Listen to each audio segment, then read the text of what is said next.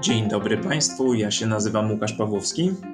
A ja Piotr Tarczyński i zapraszamy na kolejny odcinek podcastu amerykańskiego, odcinek 114, w którym opowiemy Państwu o pewnej postaci ważnej dla Partii Republikańskiej. Ale zanim zaczniemy. To jak zwykle dziękujemy za to, że jesteście Państwo z nami w mediach społecznościowych, że piszecie do nas, e, komentujecie. Ostatnio dostałem kilka mm, wiadomości pokazujących, e, że słuchali Państwo tysięcy minut przegadanych przez nas e, na Spotify. Nie wiedziałem, że aż tyle tego wyszło łącznie w, w zeszłym roku, ale bardzo się cieszę, że te odcinki Państwa interesowały i jesteśmy dla niektórych z Państwa ulubionym lub jednym z ulubionych e, podcastów. No i oczywiście dziękujemy także tym z Państwa, którzy są z nami e, w serwisie Patronite. W tym tygodniu dołączyły do nas kolejne trzy osoby i chcieliśmy podziękować w szczególności a nawet cztery osoby i są to Rafał, Ewa, Agnieszka i znany nam już prorok Kaczk. O, prorokowi oczywiście. Znowu. No to, to, to nie dołączył, czyli miałem rację. To znaczy dołączyły trzy osoby, a prorok Kaczk wrócił. Cieszymy się z obecności proroka. Dziękujemy. Mm, no dobra, e, to o kim dzisiaj porozmawiamy? Porozmawiamy, proszę o Państwa. Proroku. Porozmawiamy po prostu właśnie o nowym zbawcy Partii Republikańskiej. Zbawcy to jest lepsze słowo. Zbawcy, zbawicielu, wysłańcu Boga i nie są to, proszę Państwa, przesadne określenia. Innymi słowy, dzisiaj zapraszamy na odcinek o Ronie DeSantisie, gubernatorze Florydy.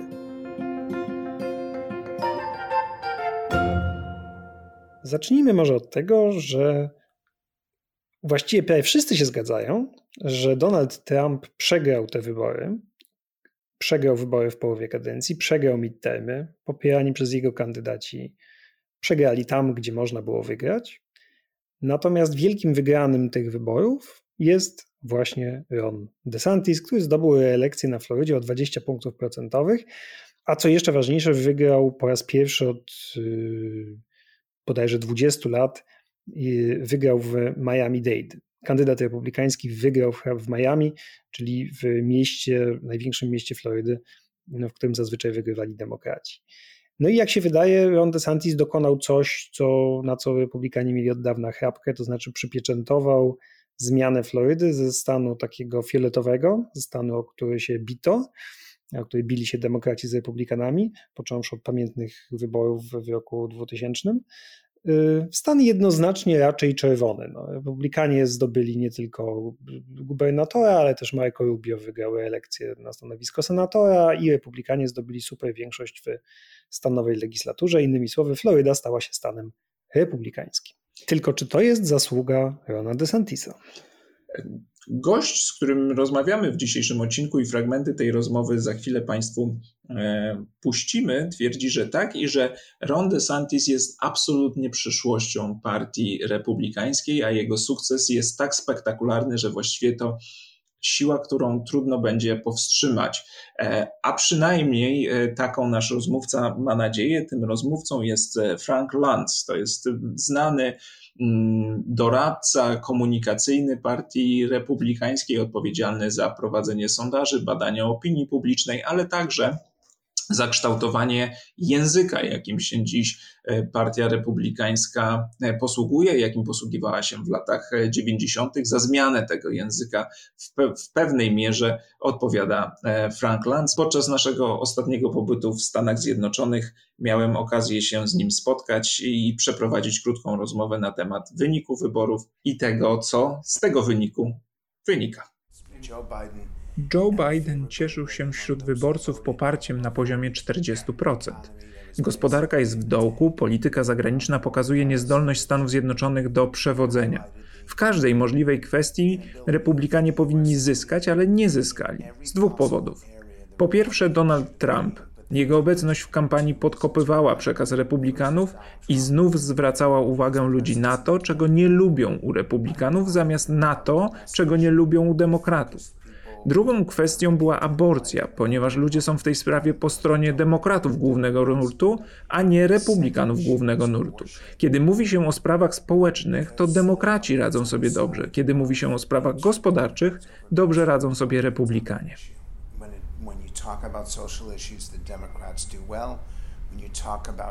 Trzecia kwestia, o której jeszcze nie mówiliśmy, to rola demokracji. Przekaz na temat osób podważających wyniki wyborów i pogląd, zgodnie z którym republikanie mają masę radykalnych kandydatów. Czy to naprawdę zadziałało? Czy to naprawdę zadziałało? Tak, proszę spojrzeć na wyniki. Konsekwencją wyborów w roku 2022 powinno być skończenie tej magii, jaką nazwisko Trumpa i kandydatura Trumpa ma w oczach republikanów.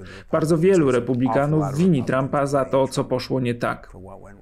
Jasne, ale to już się działo po 6 stycznia 2021 roku i nic się nie zmieniło, bo udało mu się zachować rolę lidera. Absolutnie. Dlaczego więc teraz ma być inaczej? Um,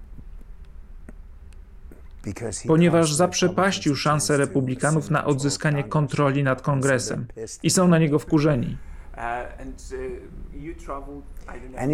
Poza tym atakuje najpopularniejszego w kraju republikanina. DeSantisa.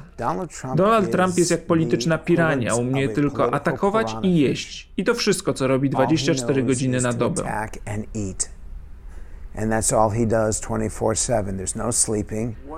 Jaka jest przyszłość przed DeSantisem? Czy jest y, największym wygranym tych wyborów, jak mówią media?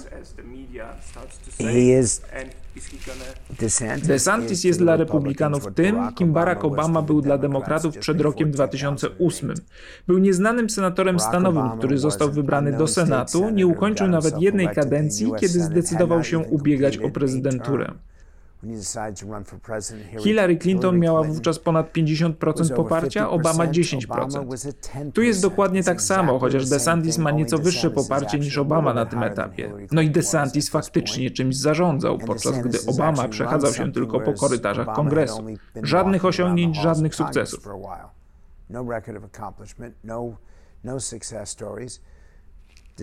DeSantis ma sukcesy. Jak na przykład, jak um, stan gospodarki na Florydzie, jak wyjście z COVID-u w znacznie lepszej kondycji niż wiele innych stanów. Tak wielu ludzi przyprowadziło się do jego stanu, bo mieli dosyć tego, co się dzieje u nich. Wszyscy ci mający powodzenie ludzie z Nowego Jorku czy Filadelfii uciekli na Florydę. Nie we wszystkim się z nim zgadzam, ale ma osiągnięcia. Dlatego mieszkańcy Florydy go popierają i dali mu potężne zwycięstwo przewagą 20 punktów procentowych. Przejście od zwycięstwa jednym punktem procentowym, kiedy liczenie głosów trwało przez całą noc i jeszcze następnego dnia, do jednego z najpewniejszych zwycięstw w skali kraju, w stanie, który jest naprawdę stanem wachliwym, a przynajmniej był do czasu, kiedy DeSantis został gubernatorem, to coś wyjątkowego.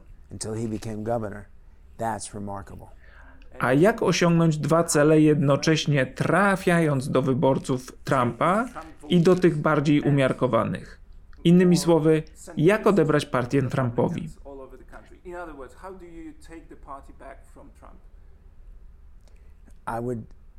Moim zdaniem należy przestać zachowywać się tak jak on.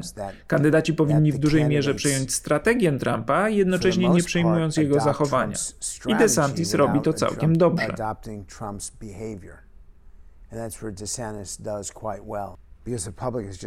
Ludzie mają już dość Trumpa, mają już dość wulgarności, ataków, wymyślania przezwisk niczym dziesięcioletnie dziecko, dość jego niedojrzałego zachowania. Robimy właśnie sondaż, który moim zdaniem pokaże, że Amerykanie chcą, aby Trump odszedł.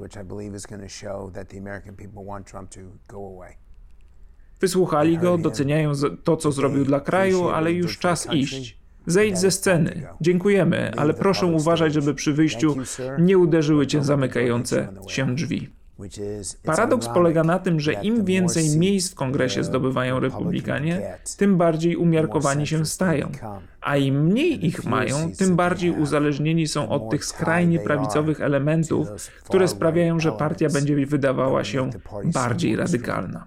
Jak zatem rozwiązać ten paradoks, czy tę zagwozdkę, o której Pan mówi, polegającą na tym, że Partia Republikańska stanie się bardziej radykalna, bo zależy od głosów radykałów, ale jednocześnie, żeby zdobyć poparcie, musi się przesunąć do centrum. To najważniejsze wyzwanie stojące przed Republikanami. Znaleźć sposób, jak wrócić do swoich relacji z wyborcami z okresu sprzed Trumpa a jednocześnie przechwycić te elementy z czasów administracji Trumpa, głównie jego decyzje polityczne, które podobały się publiczności. Decyzje polityczne Donalda Trumpa były popularne i jego osobowość była znienawidzona, ale on tego nie rozumie. Brakuje mu wyrafinowania, żeby być w stanie rozróżnić te dwie rzeczy. Aha. But he doesn't understand that. He can't, he's just not sophisticated enough to be able to divide the two. Ja tak słuchałem mm, tych wypowiedzi Lanca i zastanawiałem się, Hmm. na ile przemawia przez niego jego niechęć do Trumpa, która jest chyba dość oczywista, i jego nadzieja na zmianę w Partii Republikańskiej, a na ile to są rzeczywiście podparte twardymi liczbami przewidywania. No bo zobacz, z jednej strony, tak jak wspomniałeś już w swoim wprowadzeniu do odcinka, e, wygrywa DeSantis przewagą prawie 20 punktów procentowych to sukces, nie ma co do tego żadnych wątpliwości, ale z drugiej strony wygrywa też Rubio, który znacznie zwiększa swoją przewagę na Florydzie z 8 punktów procentowych sprzed 6 lat, kiedy wygrywał e, wyścig senacki, do teraz e, ponad 16. To pierwszy argument. Drugi argument jest taki, że jak spojrzeć na innych senator, innych kandydatów e, o urzędy gubernatorskie, no to ten wynik DeSantisa już niekoniecznie jest taki imponujący, bo mamy e, gubernatora demokratycznego w Colorado, który wygrywa e, ponad 17% punktami procentowymi. Z kolei w Ohio republikanin Mike DeWine wygrywa z przewagą ponad 25 punktów procentowych. Tam był wynik 62,8 do 32,7. Więc tak jak mówił Ezra Klein, czyli komentator New York Timesa w jednym ze swoich podcastów, te wyniki gubernatorów ubiegających się o reelekcję, dobre wyniki, nie są aż tak zaskakujące i właściwie w tych wyborach tylko jeden gubernator urzędujący stracił stanowisko. To był gubernator e, Nevady. No więc czy to jest aż tak wielki sukces, że ktoś uzyskuje reelekcję?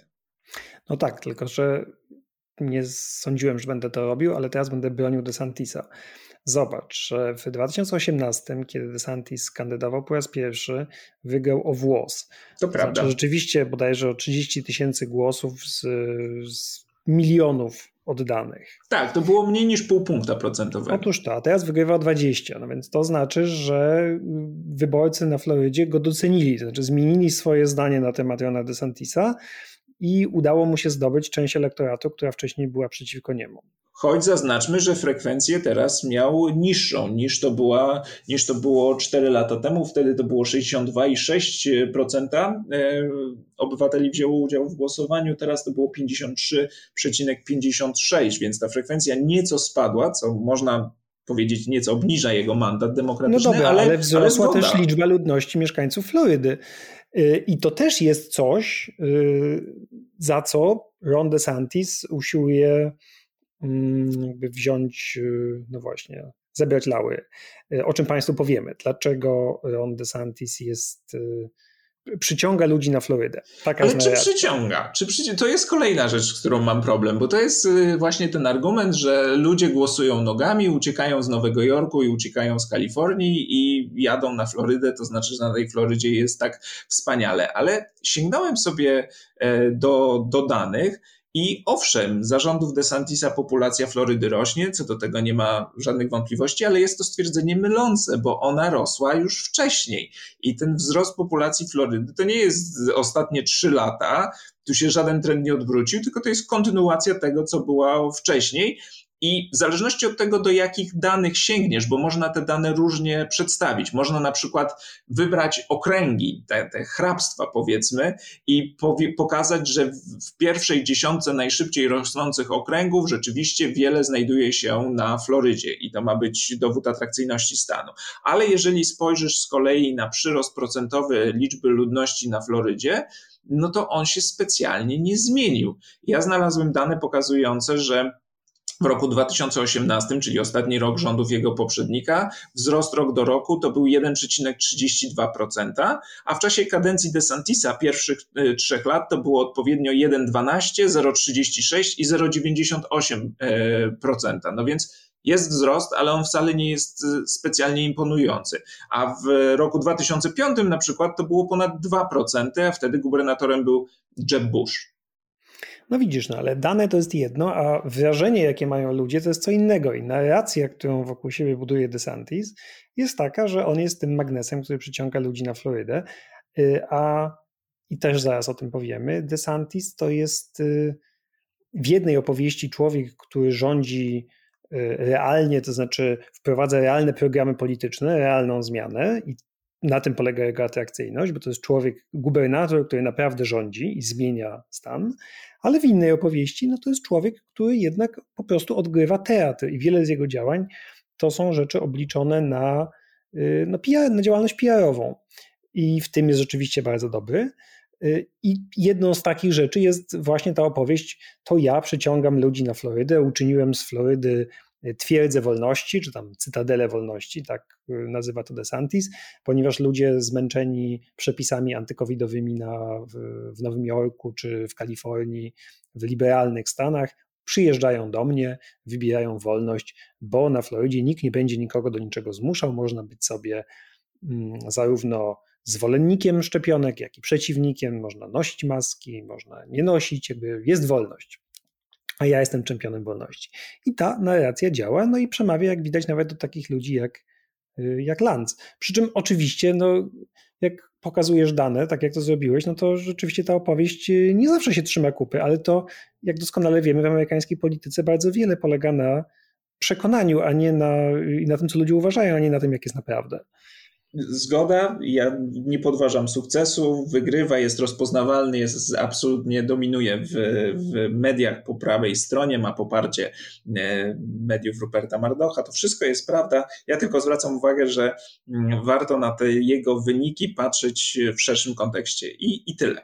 Cały ten odcinek będzie o tym, że należy na DeSantisa patrzeć trochę szerzej i trochę y, przyglądać się temu, co robi. Y, no i po tym bardzo długim wstępie może zaczniemy i powiemy Państwu, kim jest Ron DeSantis, obecny gubernator Florydy. To jest człowiek, y, rocznik 1978, ma 44 lata, więc jest młodym politykiem. Ronald Dion DeSantis, prawnik, który służył w wojsku, służył w Iraku, Później był prokuratorem federalnym przez krótki czas. I w 2012 został wybrany do Izby Reprezentantów z Florydy, gdzie trzykrotnie wygrał w swoim okręgu. Nie wyróżniał się jakoś szczególnie jako kongresmen, poza jedną rzeczą, to znaczy był jednym z członków założycieli Freedom Caucus, czyli takiego grupy wolności tak, takiego podklubu w ramach klubu republikańskiego, który powstał w 2015 roku. Mm, I to jest taki klub skrajnie prawicowy, jak powiedzieliby jedni, skrajnie libertariański, jak powiedzieliby drudzy. E, pewnie jedno i drugie. E, przy czym oczywiście libertariański to jest tylko jeśli chodzi o wydatki, sprzeciw wobec wydatków publicznych, e, skrajnie prawicowy, jeśli chodzi o wszystkie sprawy kulturowe, jakbyśmy to powiedzieli. Impulsem do powstania tego klubu był sprzeciw wobec y, urzędującego speakera Izby Reprezentantów, Johna Bennera, republikanina, ale takiego republikaninego, który dziś był uważany za umiarkowanego i że prowadzi zbyt e, koncyliacyjną politykę wobec prezydenta Obamy. Mm, co doprowadziło, nawiasem mówiąc, do tego, że John Benner po prostu pożegnał się z polityką, uznał, że nie ma siły kopać się z koniem i odszedł do sektora prywatnego. Ale powiedzmy, jakiego przemysłu jest teraz lobbystą? E, no nie możemy chyba powiedzieć przemysłu narkotykowego, ale producentów e, marihuany. E, tym się teraz były speaker Izby Reprezentantów zajmuje i chyba jest mu z tym dobrze. Tak jest, no też dlatego, że nie musi się y, mocować z Freedom Caucus. Później Freedom Caucus, w którym był DeSantis, sprzeciwił się następcy Bennera, który szykował się na stanowisko speakera, a którym był wtedy Kevin McCarthy. I to właśnie Freedom Caucus sprawił, że Kevin McCarthy nie został speakerem Izby Reprezentantów y, te parę lat temu. Y, ale teraz, jak się wydaje, Kevin McCarthy doszedł do porozumienia z tą grupą. To jest grupa, której są tacy politycy, których Państwo może kojarzycie, jak Marjorie Taylor Greene, Matt Gates, Lauren Boebert, Jim Jordan, Andy Biggs, Mo Brooks. Sami tacy naprawdę najbardziej skrajni, prawicowi, e, powiedzielibyśmy również czasem szaleni politycy Partii Republikańskiej i jeszcze jedna ważna osoba była wtedy w tej grupie, mianowicie Mark Meadows, czyli późniejszy szef sztabu Donalda Trumpa. Mm, innymi słowy, to jest taka bardzo pro-Trumpowa grupa w łonie Partii Republikańskiej, która była pro-Trumpowa, kiedy jeszcze nie było Trumpa. No, Matt, Gates, y, obecny członek tej grupy, to jest zresztą dobry kolega y, DeSantisa i jak spojrzymy sobie na zdjęcia tuż po wygranej w 2018 roku na scenie, no to zobaczymy tam między innymi właśnie Mata Gatesa, który pomagał w, w tamtej kampanii w 2018 roku, z tego co czytałem, i też przecierał szlaki DeSantisa e, do Trumpa. Ale wiesz co, ja bym jeszcze powiedział trochę więcej o tej biografii DeSantisa, bo ona teraz jest, e, wychodzi coraz bardziej na, na światło dzienne i, i widzimy takie elementy, którymi DeSantis będzie grał próbując e, trafić do szerszej publiczności. No więc e, przede wszystkim to skromne pochodzenie. Jego ojciec był czy skromne, czy powiedzmy z takiej niższej klasy średniej, może klasy średniej. Jego ojciec zajmował się, proszę Państwa, instalowaniem urządzeń firmy Nielsen, które są wykorzystywane do pomiarów oglądalności telewizji. No więc był takim monterem komiwojażerem Monterem, natomiast jego mama była pielęgniarką e, i DeSantis uzyskał bardzo dobre, e, miał, był do, dobrym uczniem, uzyskał bardzo dobre wyniki e, testów po szkole średniej.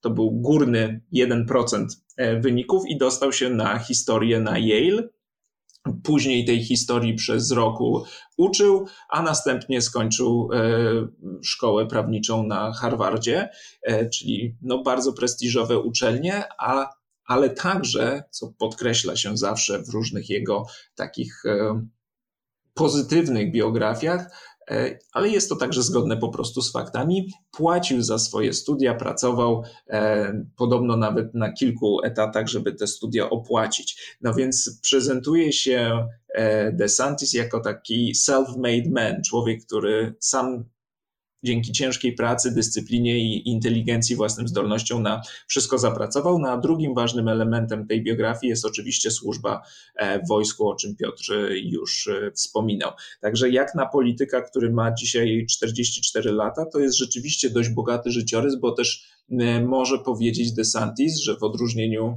od na przykład Trumpa czy innych wschodzących gwiazd, ma naprawdę mocne też doświadczenie już polityczne. Trzy kadencje w Izbie Reprezentantów to nie jest, nie jest mało. W 2016 roku chciał startować do Senatu, bo y, Marco Rubio miał wtedy zwolnić to miejsce. Kandydował bowiem na prezydenta, no ale kampania Marco Rubio nie wyszła. Jak wszyscy wiemy, kandydatem został Donald Trump. Rubio ostatecznie zmienił zdanie, kandydował ponownie y, i DeSantis zmienił zdanie, postanowił ubiegać się o gubernatorstwo dwa lata później. No i w 2018 roku wystartował w republikańskich prawyborach na urząd gubernatora. No właśnie, no i tam okazuje się, że podobno przydała się ta znajomość z Mattem Gatesem, który trochę przetarł, jak wspomniałem, szlaki do Donalda Trumpa i jak spojrzymy sobie na komunikację DeSantisa z tamtej kampanii, no to to jest kampania, która bardzo, ale to bardzo mocno podkreślała, że DeSantis jest kandydatem popartym przez Trumpa. No, Donald Trump cały czas o tym przypomina, y, kiedy teraz, kiedy widzi w DeSantisie rywala do republikańskiej nominacji, y, przypomina, że w 2017 roku DeSantis y, został kandydatem Partii Republikańskiej na gubernatora dzięki jego poparciu. Mówił tak: Ron przyszedł do mnie w 2017 roku, był w koszmarnym stanie, był politycznym trupem, przegrywał krety, z kretesem w sondażach, był źle oceniany, nie miał pieniędzy, ale powiedział, że jeśli go poprę, to wygra. No, czy tak rzeczywiście było, trudno powiedzieć, bo jak patrzyłem na sondaże, no to DeSantis radził sobie w tych sondażach akurat całkiem nieźle, ale faktem jest, że całą swoją kampanię oparł na trumpizmie i na poparciu Donalda Trumpa. Chyba jeszcze takim momentem, w którym Trump zwrócił uwagę na DeSantisa i DeSantis sobie na to poparcie e, zasłużył, był fakt, e, że sprzeciwiał się wyraźnie śledztwu Roberta Millera e, i mówił, że tutaj nie ma żadnego żadnego przestępstwa czy przewiny, którą to śledztwo miałoby e, wyjaśniać, co na pewno Trumpowi się spodobało. A tak, a te powiązania są e, no wręcz komiczne, jak się dzisiaj patrzy z perspektywy obecnej i obecnych ambicji DeSantisa, bo wypuścił taką reklamę, która najwyraźniej okazała się skuteczna, w której to żona przedstawia DeSantisa i mówi tak e, w tej reklamie: e, Proszę Państwa, wszyscy wiemy, że mój mąż ma poparcie Donalda Trumpa, ale no, on reprezentuje znacznie więcej, jest także mm, wspaniałym ojcem. I wtedy kamera pokazuje, jak Ron DeSantis czyta autobiografię Donalda Trumpa, The Art of the Deal, swojemu e, małemu dziecku, a z córeczką z kolei buduje mur z klocków Lego i uczy ją czytać na, na na podstawie takiego banera z napisem Trump Make America Great Again. No więc było to prostackie i, i, i bardzo takie jednoznaczne, ale najwyraźniej skuteczne wówczas. Tak, ale wygląda to rzeczywiście jak parodia. Znaczy, trudno uwierzyć, że to nie jest coś, co wypuścił Saturday Night Live albo jakiś inny program satyryczny. Tymczasem była to po prostu zupełnie normalna reklamówka Rona DeSantisa, który rzeczywiście zdobył nominację Partii Republikańskiej na gubernatora, a później w wyborach, jak powiedzieliśmy, wygrał, ale wygrał o włos. 30 tysięcy głosów z 8 milionów oddanych pokonał Andrew Gilluma, y, byłego burmistrza Tallahassee y, na Florydzie, który byłby pierwszym y, afroamerykańskim gubernatorem Florydy. No ale do tego nie doszło, DeSantis wygrał. Zaczął swoje urzędowanie ostrożnie, jako gubernator, próbował być takim politykiem, no nie powiedzielibyśmy może umiarkowanym, ale nie robił jeszcze niczego kontrowersyjnego. Zapowiadał na przykład y, mm, programy klimatyczne, co dość nietypowe w partii republikańskiej, podwyżki dla nauczycieli i tak dalej. Mm, no ale wszystko się zmieniło, kiedy nadeszła pandemia. Polityka covidowa to było coś, co okazało się kluczem do sukcesu Rona DeSantisa. No tak, ale znów e, zaczął e, ostrożnie i z tego, co, co czytam, początkowo wprowadził wszelkie te ograniczenia, jakie zalecał E, rząd federalny i jego doradcy na czele z Antonim Faucim. E, teraz Antoni Fauci jest dla DeSantisa takim punktem odniesienia, to znaczy mówi o tym, że e, ci, którzy chcą uciekać przed reżimem Fauciego właśnie jadą na Florydę, ale początkowo do tych zaleceń się stosował. Później wszystko się zmieniło i rzeczywiście on nie tylko szybko zniósł E, lockdowny, otworzył szkoły, e, ale nawet wprowadzał zakazy, czy za, chciał zakazać lokalnym władzom poszczególnych okręgów wprowadzania obowiązków noszenia maseczek. No więc tu mamy ten paradoks wolności, to znaczy, że e, DeSantis jako gubernator chce decydować o tym, co mogą zrobić lokalne władze chociaż sam nie zgadza się na takie decyzje, które próbuje narzucać Florydzie rząd centralny, ale on jako rząd stanowy może rządom lokalnym już swoje e, rozwiązania narzucać. No i Pytanie jest takie, czy rzeczywiście ten jego, e, jego sposób radzenia sobie z pandemią był takim wielkim sukcesem. No bo tu znowu patrzę do statystyki, mam poważne wątpliwości. To znaczy, rzeczywiście śmiertelność na Florydzie na początku była bardzo wysoka y, i Floryda była w czołówce Stanów, ale jak pokazują statystyki po całej pandemii, po tych kilku latach, mm, no, Floryda nie odbiega zanadto od innych stanów i to od takich stanów, w których te przepisy antykowidowe były znacznie e, ostrzejsze. No więc z punktu widzenia DeSantisa to jest sukces. Ja sobie zajrzałem nawet, żeby zobaczyć dokładnie. Według danych New York Timesa Floryda jest na 14 miejscu pod względem liczby zgonów w przeliczeniu na mieszkańca i tutaj wiesz, z jednej strony jest e, za Nowym Jorkiem, który ma, ma tych zgonów więcej, ale przed e, Kalifornią. No więc to zależy, jak zdefiniujesz sukces. To zna, jest przeciętnie. No dobrze, ale narracja DeSantisa jest taka. Y, ograniczaliśmy życie Florydczyków jak najmniej to możliwe, nie wprowadzaliśmy reżimu sanitarnego, nie zmuszaliśmy do szczepień, y, każdy mógł żyć po swojemu. Jeśli byłeś chciałeś być ostrożniejszy, to mogłeś być ostrożniejszy, mówi DeSantis, chociaż oczywiście, tak jak zauważyłeś, to nie do końca prawda, bo jeśli jakieś społeczności chciały być ostrożniejsze, no to wtedy władze stanowe mówiły hola hola, nie wolno wam być aż tak ostrożnymi. No ale opowieść brzmi: Mogłeś być tak ostrożny, jak chciałeś. Y, Floryda jest dla wszystkich. Dla tych, którzy bardziej bali się pandemii, dla tych, którzy bali się jej mniej, dla tych, którzy chcieli się szczepić i nosić maski, dla tych, którzy nie chcieli. No i Chociaż rzeczywiście początkowo liberałowie i lewica określała DeSantisa y, przydomkiem Death Santis, y, z powodu tych wysokich właśnie wskaźników na Florydzie, no to statystyki, jak mówisz, są przeciętne, to znaczy wyszło nie gorzej niż gdzie indziej, Innymi słowy, to ryzyko, które podjął DeSantis, się opłaciło, dlatego że nie doprowadził do katastrofy zdrowotnej na Florydzie, tylko wyszło tak sobie, a równocześnie zyskał opinię polityka, który walczy o wolność. No i to jest przedstawiane przez amerykańską prawicę, taką nawet antytrumpową prawicę, jako dowód na wspaniałe przywództwo DeSantisa. Bardzo konserwatywny magazyn National Review działalność gubernatora DeSantisa w trakcie pandemii nazywa triumfem konserwatywnego przywództwa. Przywództwa, cytuję, antyideologicznego, zaadresowanego do zróżnicowanego społeczeństwa.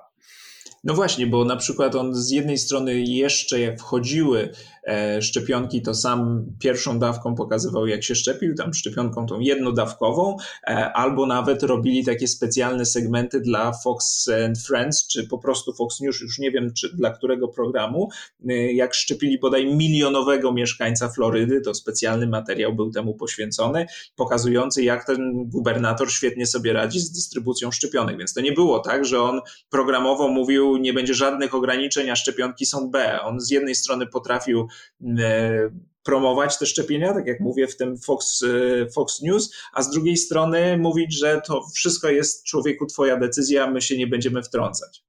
No i dlatego Floryda w tej narracji desantisowej jest tą narodową twierdzą, czy tam cytadelą wolności, to jest autentyczny cytat z, z, jego przemówienia, którą nieustannie y, DeSantis przeciwstawiał y, właśnie Kalifornii albo Nowemu Jorkowi, y, liberałom, lewicy, tutaj zwłaszcza San Francisco sobie upodobał jako taki cel mm, i Nowy Jork, miasto Nowy Jork. No i to też pomagało mu w takiej budowaniu wizji DeSantisa jako takiego macho gubernatora, który nie jest mięczakiem, który nie chodzi w masce, kiedy nie trzeba, który jakby nie jest oszołomem, ale równocześnie jest zdroworozsądkowym, y, takim no, prawdziwym facetem. Y, I jak się okazuje, to był sukces. To znaczy, nawet masz magazyn The Atlantic, którego Y, z którym często, z którego często korzystamy, którego często czytamy, jednak jakby nie było lewicowy, albo przynajmniej centrolewicowy. No i nawet The Atlantic zgadza się, że polityka DeSantisa okazała się skuteczna. To znaczy nieskuteczna, w, skuteczna politycznie, tak? że to, ten, te, to ryzyko, które on podjął, jak uplasować się na tej osi podejścia do pandemii, to było ryzyko, to, było, to był skok na głęboką wodę, no ale DeSantis wyszedł z tego zwycięsko. No dobrze, to czym jeszcze sobie zaskarbił sympatię w Florydczyków? Kolejny aspekt to są te wojny kulturowe. Początkowo ostrożnie do tego podchodził, ale później zobaczył, że to jest materiał, na którym może dużo zyskać. Ja bym jeszcze tylko jedno dodał, bo chyba warto to podkreślić, że po, po przegranych przez Trumpa wyborach dostał mocne wsparcie ze strony Fox News i po prostu często tam bywał i stał się taką. Fox News już wówczas na niego wydaje się postawiło i często był zapraszany i niekiedy nawet e, miał specjalne układy ze stacją Fox News, jak wtedy, kiedy podpisywał jedną z właśnie tych kulturowych ustaw i tylko stacja Fox News miała możliwość relacjonowania tej ceremonii podpisania. No, no i to właśnie też zadaje kłam jakiejś innej opowieści, którą też możemy wyczytać w National Review i w innych prawicowych, antytrumpowych kręgach, że DeSantis jest takim przywódcą nieideologicznym. No bo na przykład czytamy w takim e, edytorialu w Washington Post, e, napisanym przez prawicowca, że DeSantis jako kandydat Partii Republikańskiej byłby powrotem do normalności sprzed czasów Trumpa, e, bo jest to nominat bez tych destrukcyjnych impulsów Trumpa, który walczy o poglądy, a nie po to, żeby się mścić i prowadzi politykę, a nie prowadzi wojny ideologiczne. No ale to nie jest prawda. Rzeczywiście DeSantis uderza w, w te wszystkie jak gdyby strachy, lęki e, i tematy, które zostały wywołane przez Trumpa lub innych polityków radykalnych w partii republikańskiej, czyli na przykład e, kwestia bezpieczeństwa wyborów nie? i fałszerstw wyborczych. Z jednej strony DeSantis nigdy chyba nie wyszedł i nie powiedział wprost, tak, wybory ukradzione, Trump wygrany, wybrany legalnie, a Biden to uzurpator. Nigdy tego nie zrobił. E, ale z drugiej strony, w czasie mijającej kampanii, występował na scenie z ludźmi i wspierał ludzi, którzy jawnie e, wybory kwestionowali. Między innymi był w Pensylwanii, gdzie wspierał Daga Mastiano, wspierał Carrie Lake, więc ukłon w stronę tych e, wyborców, którzy uważają wybory za sfałszowane, ale także już u siebie na swoim podwórku powołał Biuro do Spraw e, Przestępstw e, Wyborczych i Bezpieczeństwa, e, Office of Election Crimes and Security. Chociaż na Florydzie nie mieli problemu z żadnymi fałszerstwami wyborczymi, a już na pewno nie na żadną masową skalę. Nie, no to biuro odnalazło kilkanaście takich przypadków w, w roku 2020, ale tu chodzi o co innego. E, DeSantis e, wygrał w 2018 roku wybory na gubernatora i to był też rok, w którym mieszkańcy Florydy równocześnie zagłosowali za przywróceniem praw wyborczych byłym skazańcom w referendum, przeważającą większością. Dlatego, że Floryda jest tak jednym z takich stanów, w którym osoby, które wyszły z więzienia, wciąż nie mają prawa głosu. I to. I to, są, to, to były duże liczby, to było półtora miliona ludzi. To jest 10% ludności, ponad 20% wszystkich Afroamerykanów. No więc mnóstwo ludzi jest pozbawionych trwale prawa, prawa głosu i w wyniku tego referendum miało to prawo zostać im zwrócone.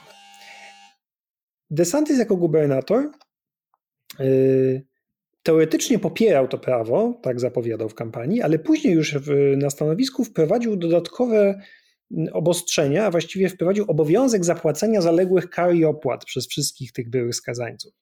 No i sęk w tym, że to jest bardzo trudno zrobić, dlatego że Floryda nie prowadzi centralnego rejestru takich kar i takich y, długów.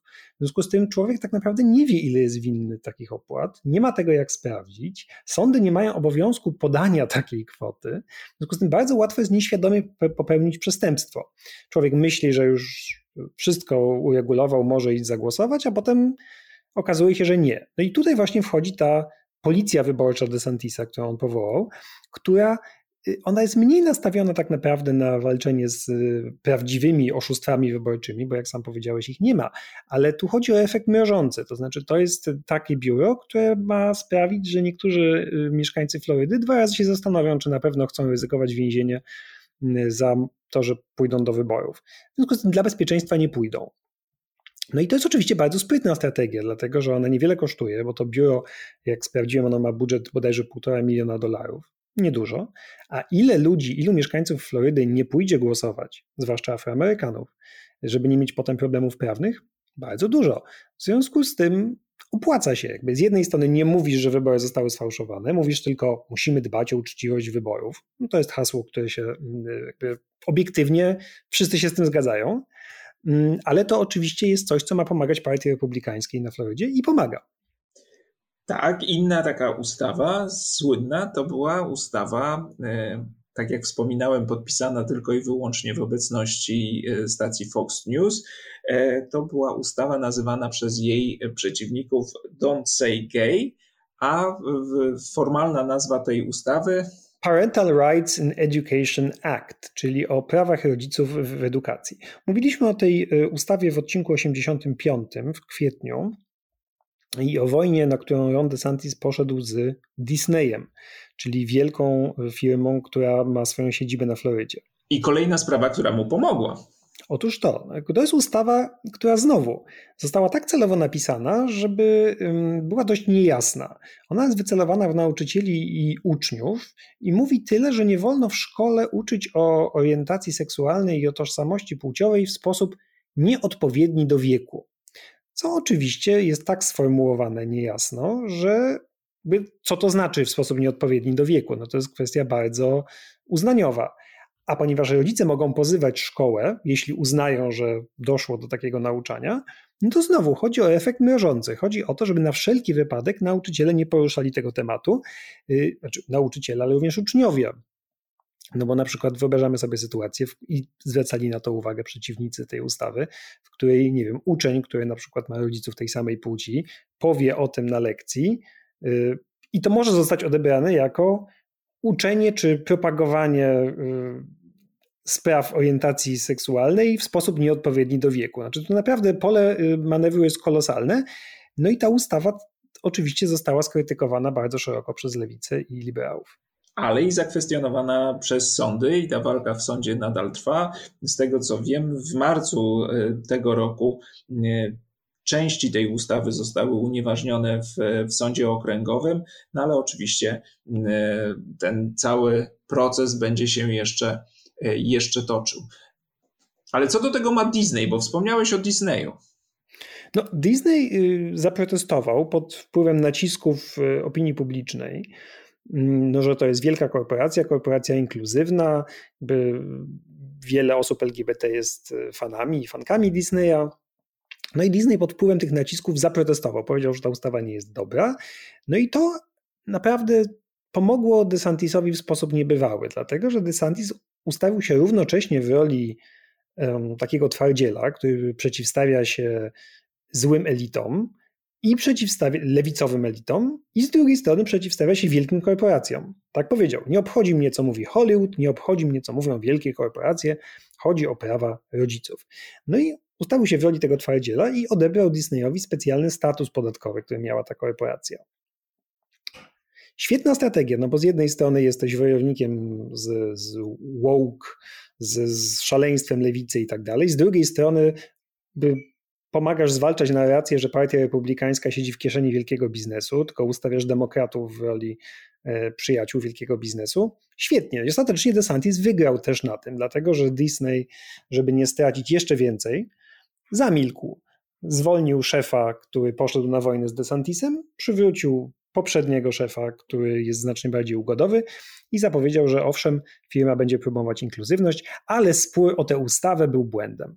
No i wielki sukces dla DeSantisa, nawet jeśli ta ustawa, jak sam powiedziałeś, jest w, zaskarżona w sądach, ale to DeSantisowi w ogóle nie przeszkadza, bo, jakby, bo nawet jeśli te jego projekty mm, trafiają do sądów i nawet są przez ten sąd czasem zawieszane, jak jego ustawa o zakazie zamieszek, robisz, starasz się, ale złe elity, kasta sędziowska ci y, rzuca kłody pod nogi i sypie piasek w, w szprychy i tak dalej. No i to działa. Jeszcze jest jedna ustawa, którą DeSantis y, jakby na tej fali walki z woke wprowadził. Ustawa zresztą nazywała się dosłownie Stop Woke. Tylko to był akronim e, Stop Wrongs to Our Kids and Employees, w skrócie WOKE, czyli zatrzymajmy krzywdy wyrządzane naszym dzieciom i pracownikom. I chodziło o to, ustawa ostatecznie nazywała się inaczej, ustawa o indywidualnej wolności, żeby nie wolno nauczać, że nie wolno nauczać w szkołach i w miejscach pracy, że ktokolwiek z powodu swojej rasy, koloru skóry, płci czy pochodzenia ponosi odpowiedzialność za rasizm w przeszłości i nie wolno uczyć, że ktoś jest uprzywilejowany lub opresjonowany z powodu swojej płci lub rasy. I znowu, język jest tak ogólny, że bardzo trudno jest uczyć o historii Ameryki. Znaczy myślę, że nasz podcast na Florydzie, gdybyśmy go nadawali, to spokojnie łamalibyśmy ustawę Stop Woke, ponieważ no odcinek o Tulsie z całą pewnością y, łamie to, to prawo. Nie, no na przykład słynny tekst The Case for Reparations opublikowany w The Atlantic, którego autorem jest Ta-Nehisi Coates, e, także byłby zakazany, no bo tam jest pokazane, jak systemowo ograniczano prawo czarnych, na przykład dostępu do kredytu, dostępu do mieszkań, e, no i że byli oni upośledzeni ze względu właśnie na, na rasę. No więc to także podpadałoby pod tę ustawę, bo ten tekst pokazuje, że ludzie dzisiejsi biali zyskali na politykach opresyjnych w przeszłości. No więc przez swoje urodzenie można powiedzieć, są uprzywilejowani. Ale znowu, z drugiej strony, jeżeli czytasz ten bardzo ogólny opis y, tego, co ta ustawa ma wprowadzać, no to wydaje się to sensowne. No nie można przecież dzieciom wmówić, że są e, gorsze czy lepsze e, tylko dlatego, że się urodziły takie lub inne. No to brzmi sensownie, tylko, tylko właśnie jak uczyć historii, która jest pełna niesprawiedliwości. No bardzo trudno jest uczyć i dlatego ta ustawa również została zaskarżona w sądach i akurat chwilowo nie działa, bo w sierpniu tego roku sąd ją zawiesił. Uznał bowiem, że stanowi przykład cenzury, który po prostu narusza pierwszą poprawkę o wolności słowa. Y, no ale znowu, dla DeSantisa to jest sukces, no bo on coś zrobił, postawił się złym lewicowym elitom, a to, że złe, niedobre lewicowe sądy go zablokowały, tylko świadczy na y, jego korzyść. No właśnie, zresztą sam DeSantis podczas e, swoich przemówień i tego przemówienia e, zwycięskiego po tych wygranych wyborach mówił o tym, że Floryda to miejsce, gdzie ideologia woke przychodzi, żeby umrzeć. This is the place where woke comes to die. Więc e, pokazuje się jako twardy bojownik właśnie tych realizujący te prawicowe, niekiedy radykalnie prawicowe mm, postulaty. I tutaj jeszcze warto dodać, co mówi jego rzeczniczka, e, także pracująca przy jego kampanii, która mówiła, że jeżeli tych ustaw e, tego, tej ustawy Don't Say Gay ktoś nie popiera, no to sugerowała, że ktoś taki jest albo pedofilem sam, albo po prostu e, pedofilów wspiera. No więc mamy ten ostry przekaz, no a z drugiej strony no, człowiek, który rozwiązuje wasze problemy i jest zdroworozsądkowym gubernatorem. No tak, ale jak można y, po tym wszystkim twierdzić, że DeSantis rządzi w sposób nieideologiczny i prowadzi po prostu politykę, a nie y, bawi się w polityczne gierki? No to naprawdę nie wiem. Zwłaszcza, że DeSantis naprawdę za punkt honoru, jak widać, stawia sobie by oranie lipków, tak byśmy to powiedzieli, no oranie tak. lewicy. Jakby i on to robi celowo, tak jak właśnie powiedziałeś z tym y, stop woke, czy właśnie miejsce, gdzie ideologia woke przychodzi, żeby umrzeć. Czego najsłynniejszym chyba przykładem ostatnio było to, co zrobił na froncie imigracyjnym. Tak? To znaczy, kiedy wysłał migrantów i to nawet nie z Florydy, tylko migrantów z Teksasu wysłał do Martha's Vineyard w Massachusetts, do bogatej, y, liberalnej, lewicowej miejscowości, żeby y, oni teraz dla odmiany zajęli się nielegalnymi imigrantami. Tylko jak opowiadaliśmy, no to wszystko było bardziej skomplikowane. Ci ludzie zostali zwabieni pod y, pozorem pracy i miejsca do mieszkania i zostali po prostu no, właściwie porwani i wysłani do tego Massachusetts. I no i nikt, nikt, mi nie powie, że to jest rozwiązywanie jakichś problemów. Znaczy, DeSantis wziął pieniądze floryckich podatników, żeby zaszkodzić i, i dać pstycz, pstyczka w nos y, mieszkańcom Massachusetts. I znowu nie jest w tym jedyny, bo robią tak gubernatorzy też innych konserwatywnych stanów, na przykład gubernator Teksasu. To po prostu, co zrobił DeSantis było chyba najbardziej spektakularne, ale to jest jakby no to jest czysta, y, czyste oranie lipków, nic więcej. No to ja teraz y, będę bronił DeSantisa, bo ludzie, którzy są jego zwolennikami mówią tak, tak, oczywiście, to są pewne ukłony w stronę takiego bardziej radykalnego e, elektoratu, ale DeSantis, tak jak powiedziałeś, robi to celowo, robi to świadomie, robi to w sposób taki cyniczny, y, bo jednocześnie jest zdolny do współpracy i prowadzenia takiej bardziej centrowej polityki. I często, jak czytałem różne artykuły na jego temat, to kilkukrotnie spotykałem się z taką opinią ludzi go popierających, że DeSantis to jest taki Trump, ale z mózgiem. Trump with brains, czyli że człowiek, który będzie potrafił y, wykorzystywać te emocje, które towarzyszą wyborcom Trumpa i te sprawy, które są dla nich ważne, ale jednocześnie robi to w sposób właśnie normalniejszy, jeżeli tak można powiedzieć, sposób, który, w którym panuje nad tym, co robi. E, I jeszcze warto zwrócić uwagę, kiedy mówimy o tym, jak e, próbuje się DeSantis pozycjonować na tej prawej stronie, to ja bym jeszcze dwie jego ważne cechy dodał. Jest bardzo wysoko oceniany przez NRA, czyli Narodowe Towarzystwo Strzeleckie. Dostał ocenę A, czyli najwyższą możliwą. No to Wśród... chyba jak większość republikanów. No tak, oczywiście. Znaczy niekoniecznie to musi być A. Dla porównania jego konkurent w tych wyborach na gubernatora, były republikanin Charlie Crist, miał ocenę F. I kolejna rzecz to jest e, kwestia e, tych wyborców e, chrześcijańskich, dla których ta sprawa jest najważniejsza i trafiłem na taki ładny cytat z przemówienia DeSantisa, kiedy bodaj w lutym był w, w stanie Michigan, to mówił, to, to daje Państwu, przy, przywołuje nie dlatego, że to koniecznie dobrze odzwierciedla jego poglądy, ale też pokazuje retorykę, jaką się potrafi posługiwać. E, załóżcie pełną zbroję Bożą, stańcie twardo przeciwko planom lewicy. Będziecie musieli stawić czoła płonącym strzałom, ale mając tarczę wiary, pokonacie je. Piotr kręci głową z niedowierzaniem, a ja uważam, że to bardzo ładny fragment. A to jest jeszcze nic. E, widzieliśmy też inną reklamówkę DeSantisa, Ojej. Ron DeSantis jest po prostu przedstawiany jako Boży pomazaniec, jako po prostu zbawca ludzkości.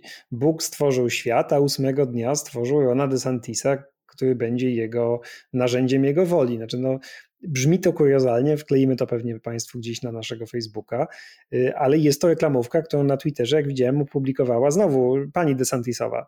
Tak jest, opublikowała już po wyborach, e, dzień, dzień po wyborach e, zostało to upublicznione i Piotr absolutnie nie, prze, nie przesadza. E, nie mówi co prawda ten głos w reklamie, że oto Bóg stworzył Rona DeSantisa, ale że stworzył wojownika. E, God created a fighter. No i oczywiście widzimy nieustannie zdjęcia Rona DeSantisa. On jest przedstawiany jako człowiek, który pomaga biednym, daje kobietom możliwość rozwoju, wspiera dzieci, wspiera osoby starsze.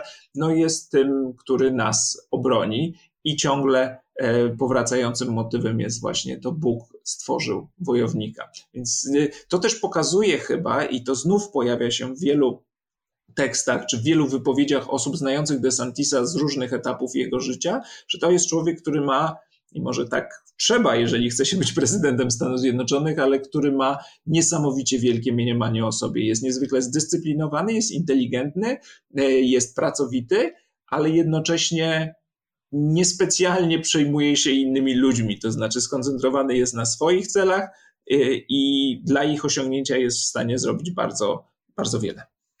No i na koniec chciałbym się zastanowić, czy Ron DeSantis byłby e, rzeczywiście lepszym kandydatem Partii Republikańskiej na prezydenta, czy gorszym od Trumpa? I czy jako prezydent byłby lepszy czy gorszy, bo tutaj też nie ma pewności. Z jednej strony e, zwracają uwagę niektórzy, no, że to jest jednak bardziej normalny polityk niż Donald Trump, bo potrafi współpracować z e, przeciwnikami politycznymi, co do tego, to ja mam pewne wątpliwości, jasne, większe wydatki na programy klimatyczne i ekologiczne, czy tam na te właśnie pensje dla nauczycieli, no to jest krok w dobrą stronę, ale z drugiej strony z tą współpracą ponadpartyjną, no nie wiem, wydaje mi się, że ta poprzeczka jest po prostu bardzo, bardzo nisko, bo jedną z, jeden z tych dowodów rzekomych na otwartość DeSantisa ma być to, że kiedy Floryda nawiedził huragan Ian i spustoszył stan i w, prezydent Biden odwiedził Florydę, no to DeSantis się z nim spotkał, nie zaatakował go, tylko powiedział: Witamy na Florydzie, panie prezydencie, doceniamy współpracę rządu federalnego. No i wiecie Państwo, no jak słyszy się coś takiego, i to jest ta niebywała gotowość do współpracy z przeciwnikami politycznymi, że człowiek przywitał się z prezydentem i go nie wykopał, no to hmm, no nie wiem, no może rzeczywiście poprzeczka jest bardzo, bardzo niska, ale wydaje mi się to jednak troszkę y, twierdzenie na wyrost, że DeSantis jest politykiem potrafiącym być ponadpartyjnym. No wiesz, jeżeli masz sytuację, w której prezydent odchodzący nie jest w stanie pojawić się na zaprzysiężeniu nowego, bo nie uznaje wyniku wyborów, no to sytuacja, w której gubernator po prostu wita się z prezydentem, urasta do rangi rzeczywiście czegoś wyjątkowego. Ale jednocześnie, i tu znowu widzimy tę podwójną strategię DeSantisa, on e, bardzo mocno potrafi Bidena atakować na różnego rodzaju e, przemówieniach i wyśmiewać to, co wyśmiewa także Trump, czyli tą rzekomą niesprawność intelektualną Bidena I takie starcze otępienie, nie? że jest zdemenciały, nie wie co mówi no e, i nie potrafi się ogarnąć e, stojąc przed prompterem. Więc to także robi. To, co jest ciekawe i co pojawiło się w, w, w mediach amerykańskich parokrotnie, to są porównania DeSantisa nie do Trumpa, tylko do innego idola prawicy, to znaczy do Wiktora Orbana. I że desantizm to jest tak naprawdę amerykański urbanizm. Już tłumaczę o co chodzi. Otóż w ustach amerykańskiej prawicy urbanizm to jest oczywiście komplement, no bo to jest przywódca, który y, toczy wojny kulturowe przy pomocy aparatu państwowego, który potrafi stawiać czoła hegemonii lewicy, tej rzekomej, która tutaj wszędzie jest, i który rządzi od 12 lat, bo stworzył taki system, w którym właściwie nie może stracić władzy. I to jest bardzo ważne, co powiedziałeś, bo to pokazuje pewien zwrot y, y, w amerykańskiej prawicy, która, jak y, wiedzą Państwo, tradycyjnie była nastawiona antypaństwowo, rząd minimalny, rząd tak mały, żeby dało go się utopić w wannie. I zresztą sam DeSantis także mówi o sobie jako o człowieku, który chce, żeby tego rządu w życiu ludzi było jak najmniej. A z drugiej strony jest, i to jest przedstawiane jako jego zaleta, jest na tyle inteligentny i na tyle świadomy gdyby tego, jak państwo e, i instytucje funkcjonują, że jest w stanie je wykorzystać do walki z liberałami. I opowieść tej części prawicy jest taka, że liberałowie mają te swoje wielkie lewicowe korporacje, mają swoje media, mają swoje uniwersytety, gdzie dominują, natomiast my nie mamy nic, w związku z tym potrzebujemy e, nie odcinać się od państwa, tylko to państwo przejąć i nie robić państwa minimalnego, tylko robić państwo, które będzie e, skuteczne, skutecznie realizowało nasze E, postulaty. I w tym sensie rzeczywiście można powiedzieć, że taki DeSantis byłby bardziej niebezpieczny dla Stanów Zjednoczonych nawet niż Trump, właśnie dlatego, że świadomie robi to, co Trump robił trochę na czuja e, w 2020 Albo roku. robić. Tak, albo próbował robić, ale robił, no improwizował, prawda? Próbując podważyć wyniki wyborów. Coś tam planował, ale nie miał wszystkiego dobrze przemyślanego. Teraz ma to lepiej, ale z kolei nie jest na tyle zdyscyplinowany, żeby y, i nie ma takiej wiedzy, żeby y, te swoje zamierzenia realizować. No, Trump na przykład próbował kiedyś zaszkodzić stacji CNN i blokował tam jakieś, i blokować jakieś tam fuzje z AT&T, bo nie lubił CNN, ale mu to nie wyszło. A tutaj przychodzi DeSantis, który wypowiada wojnę Disneyowi i te wojny wygrywa. To znaczy... No bitwę się, że, wygrywa. No bitwę. Okazuje się, że lepiej posługuje się aparatem państwowym, czy tam w tym przypadku stanowym, y, przeciwko korporacjom niż Donald Trump. Czyli rzeczywiście, tak jak powiedziałeś, to jest Donald Trump z mózgiem yy, i zdyscyplinowany, tak jak Orban, a nie chaotyczny i bezmyślny jak Donald Trump. Dlatego rzeczywiście ta obawa, że on może być gorszy od Donalda Trumpa, jest moim zdaniem yy, uzasadniona. Mm. Znaczy gorsze dla państwa, natomiast jako kandydat, e, moim zdaniem, może być zdecydowanie lepszy. Chociaż ja bym absolutnie nie kładł krzyżyka na Donaldzie Trumpie, bo jak już nieraz Państwu mówiliśmy, to jest niezwykle żywotny polityk i jeszcze może się odbić od, wyjść z tej trudnej sytuacji, w której teraz jest. To prawda, ale rzeczywiście widać, że y, establishment partyjny, establishment partii republikańskiej coraz bardziej stawia na DeSantisa, a coraz mniej na Donalda Trumpa. No też dlatego, że Donald Trump nieustannie strzela sobie w stopę.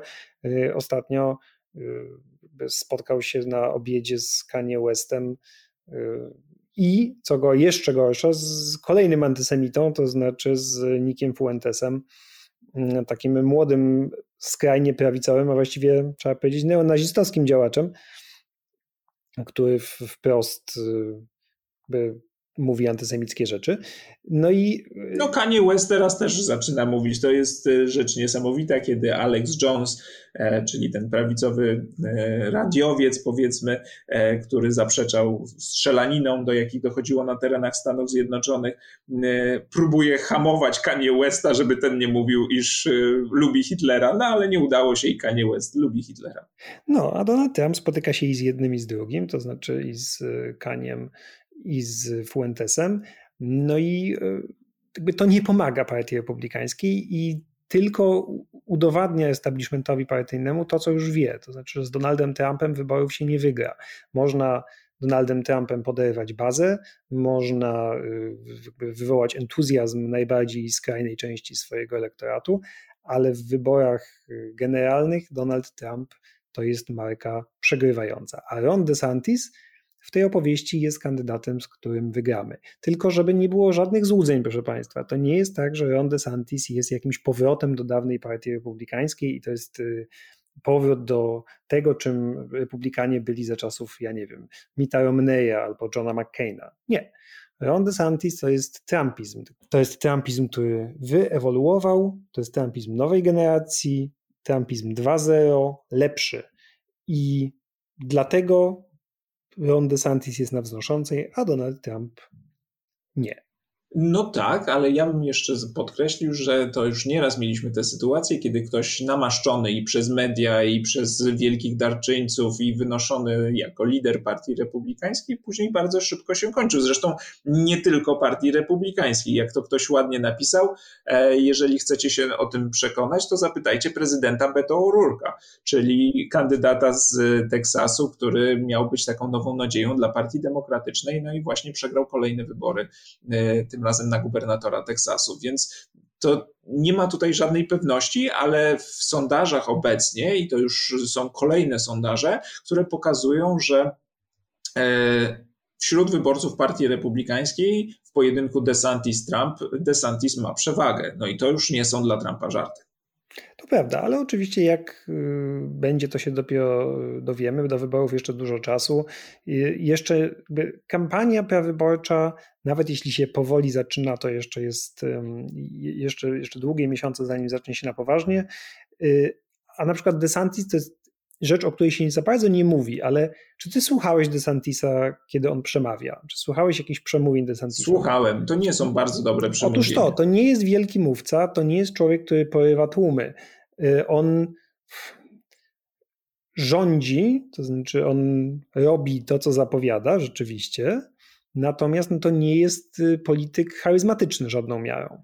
To prawda i w jego takim długich e, czy krótszych e, artykułach profilowych też powtarza się często taka opinia, że to nie jest facet, który ma cierpliwość do wysłuchiwania ludzi podczas różnego rodzaju takich mniejszych spotkań, których kandydat na prezydenta musi odbyć tysiące, to znaczy pojechać gdzieś do Iowa i słuchać tego farmera czy tamtego burmistrza, spotkać się w jakimś barze szybkiej obsługi i tak dalej, i tak dalej, że to nie jest ktoś, kto w takim kontakcie jeden na jeden sprawia dobre wrażenie. Ale no, z drugiej strony to jest ktoś, kto w każdej swojej kampanii wygrywał. No więc coś musi robić dobrze, bo jednak e, te głosy uzyskuje. Tylko, tu znowu zastrzeżenie, fakt, że ktoś wygrywa na poziomie stanowym, nawet w tak ważnym i licznym stanie jak Floryda, nie znaczy, że pojedzie do, właśnie do Iowa czy do New Hampshire i tam wzbudzi entuzjazm wyborców partii republikańskiej, czy tym bardziej ogółu Amerykanów, bo przecież sami republikanie do wygranej w wyborach prezydenckich nie, wy, nie wystarczą. No i to właściwie byłoby na tyle, jeśli chodzi o Rona DeSantisa. Na pewno ten A to ja powiem, jeszcze się pojawi. Chcę na, na zakończenie, proszę Państwa, ciekawostka. Skoro mówiliśmy o tym Disneyu, walce z Disneyem, to wiesz, gdzie Ron DeSantis wziął ślub? W Las Vegas. Nie, właśnie w y, tym ośrodku Disneya. Dziękujemy Ci, dziękujemy Ci za tę nieciekawą ciekawostkę. E, a na dziś to wszystko. Dziękujemy Państwu i do usłyszenia za tydzień. Do usłyszenia.